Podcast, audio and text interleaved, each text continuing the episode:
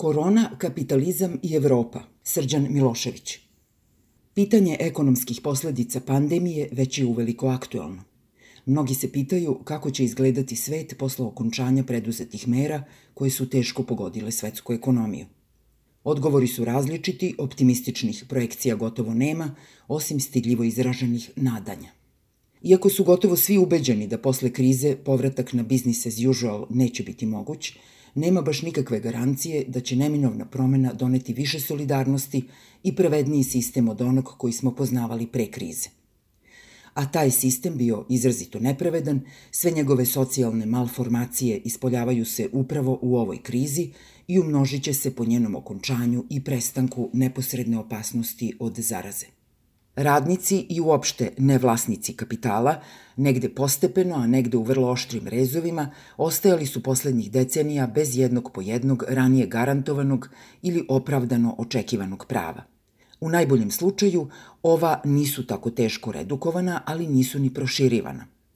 Žalosno stanje radničkih, kao i prava zaposlenih, a naročito nesigurnost zaposlenja, prekarni rad, privremeni i povremeni poslovi, dalje su negativno uticali i na ostvarivanje čitavog korpusa ljudskih i građanskih prava u onolikoj meri koliko njihova realizacija zavisi od ekonomske sigurnosti svakog pojedinca. Tu se može ići sve do negativnih efekata finansijske nesigurnosti u vidu izostanka političke participacije, usled političke letargije i opravdanog osjećaja bespomoćnosti, pa i na samo dostojanstvo čoveka koje je, pored prava na život, njegovo fundamentalno pravo. Život od isplate do isplate, od prvog do prvog, bez ikakve ušteđevine. Realnost je ogromnog broja ljudi. U Americi, na primer, i do 50%. Kada se tome doda savremeno dužničko ropstvo u obliku kredita, slika obskurne i obezhrabrujuće stvarnosti postaje jasno saglediva.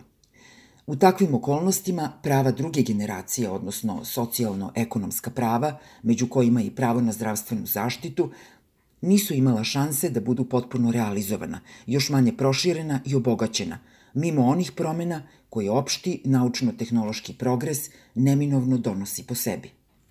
Savremeni kapitalizam, dakle, temeljno je ograničio radnička prava i time, manje ili više posredno, osakatio čak i ljudska i građanska prava. To uključuje i pravo na život dostojan čoveka. Ovaj dopunski završni deo koji suštinski opisuje pravo na kakav život se garantuje – Odavno se zapravo zanemaruje, ali je korona kriza najneposrednije na probu stavila i onaj elementarni sadržaj prava na život, a to je fizičko, odnosno biološko postojanje. Naime, pravo na život, pored ostalih načina, štiti se i zdravstvenom zaštitom. I tu počinje problem. Logika razvoja kapitalizma poslednjih decenija sugerisala je drugačiji pristup aktuelnoj zdravstvenoj krizi od ovog koji je usvojen – zapravo baš onakav kakav je primenjen na samom početku reagovanja na krizu. Na početku krize bilo je jasno da su vlade spremne da ne preduzimaju radikalne mere koje bi pogodile ekonomiju, svesne do duše da će biti ljudskih žrtava, ali i očekujući da one budu ispod ili tek nešto iznad praga tolerancije na umiranje, do kojeg i inače dolazi usled izostanka efikasne zdravstvene zaštite za svakog pojedinca. Mi smo naime kao takozvana civilizacija naviknuti na normalnost umiranja usled ovog nedostatka i to je čista kapitalistička logika. Sistem koji bi štitio svaki ljudski život je jednostavno skup i takav sistem nema ko da plati. Drugim rečima, neko ko nije u stanju sam da finansira svoju zdravstvenu zaštitu, mora umreti samo zato što ni sistem ovakav kakav je ne može da plati medicinsku intervenciju. Ako ostavimo po strani malograđanski ili religijski humanizam, krajnji leseferijanci će reći da je za to kriva država, čak i ona minimalna, a naročito asistencijalna, i da bi sve bilo mnogo bolje, čak idealno, kada se država ne bi mešala. Intervencionisti će pak reći da je problem u tome što se država ne angažuje dovoljno. To je prastari spor za čiju elaboraciju ovde nema mesta, pa ni ja neću zauzimati stranu, ali ću reći samo toliko da je teza leseferijanaca i to ne samo onih ekstremnih, potpuni idiotizam.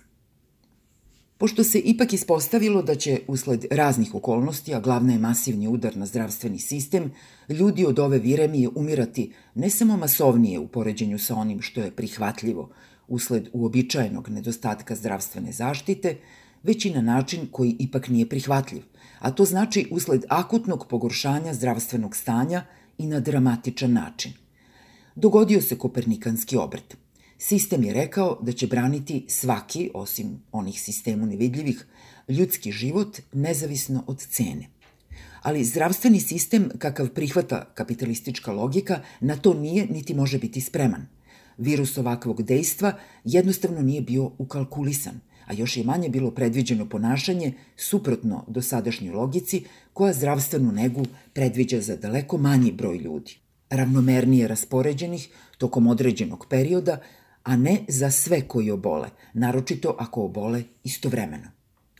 Rizik umiranja usled periodičnih pandemija jeftiniji je od razvoja zdravstvenog sistema koji bi omogućio da, u slučaju pojave neke smrtonosne pandemije, preživi daleko više ljudi. Zato je taj rizik svesno prihvaćen od strane vladajuće klase. Niko drugi se ni ne pita. Cenu trenutnog ponašanja sistema, koje je suprotno logici kapitalizma, neko će morati da plati. Odgovor na pitanje ko, jasan je. Svi. Međutim, kada je to tako, postavlja se drugo pitanje. Da li je za milione, pa i milijarde ljudi, ipak ekonomski podnošljivije da transgeneracijski razvuku taj trošak ulaganjem u što bolji zdravstveni sistem, koji bi bolje podnosio snažna opterećenja koja se periodično javljaju, ili je pak bolje da snažan udar primi samo generacija koju je pandemija pogodila.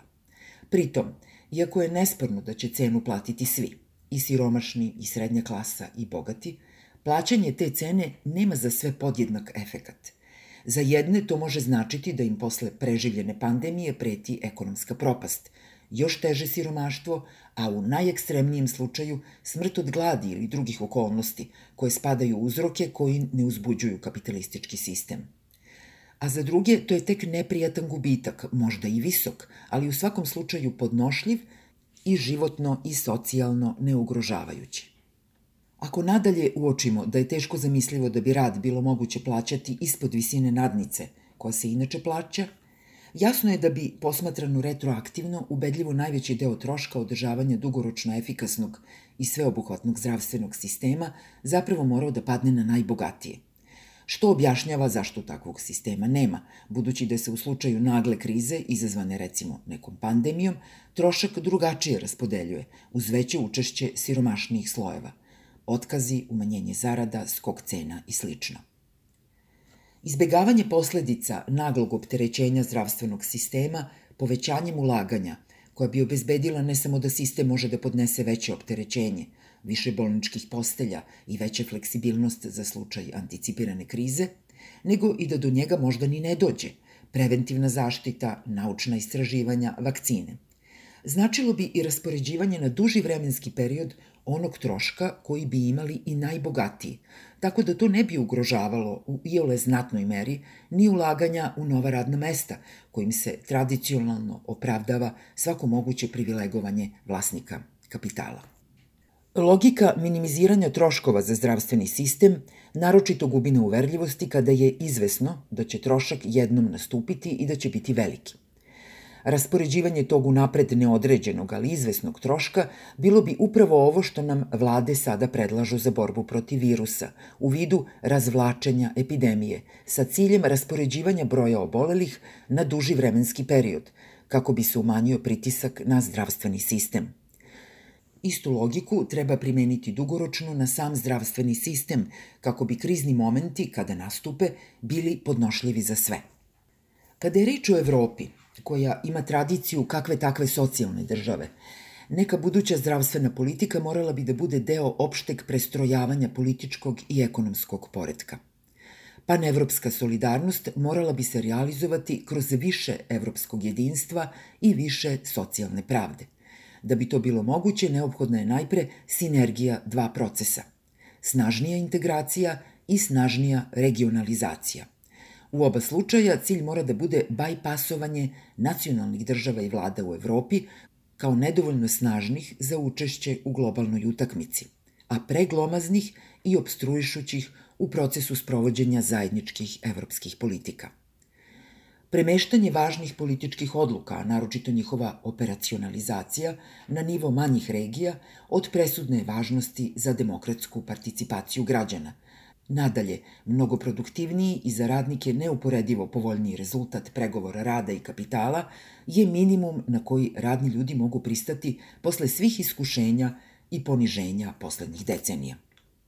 Doduše, razvoj situacije do danas ne pruža razlog da se očekuje da će sutra biti drugačije od dosadašnjeg toka stvari.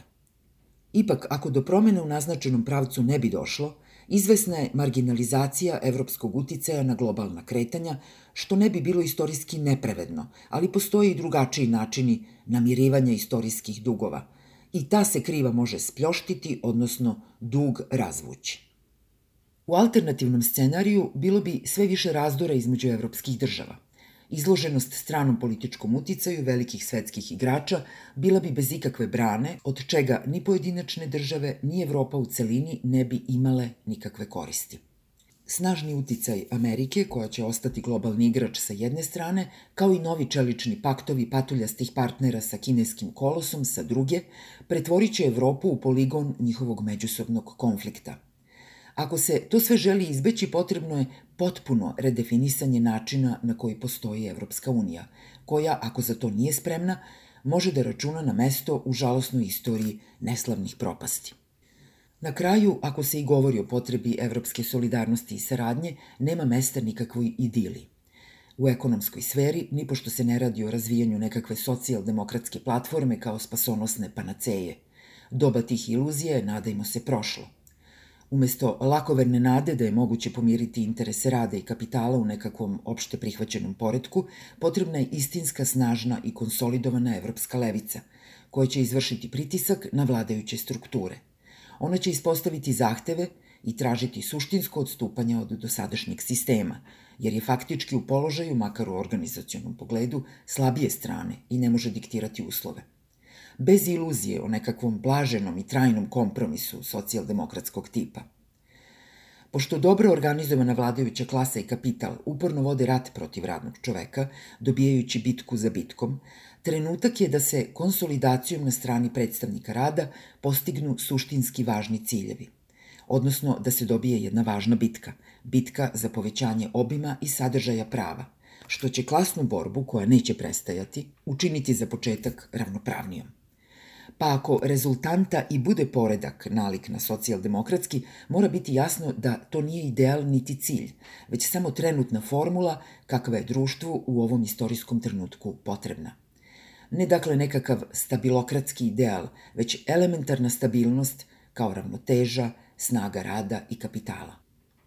Ukratko, dakle, potrebna je snažna evropska, međudržavna, međuregionalna integracija i solidarnost uz istovremenu snažnu političku polarizaciju po liniji klasnih interesa, prvenstveno organizovanjem levice, nasuprot koje će stajati već uveliko organizovan savez desnih snaga.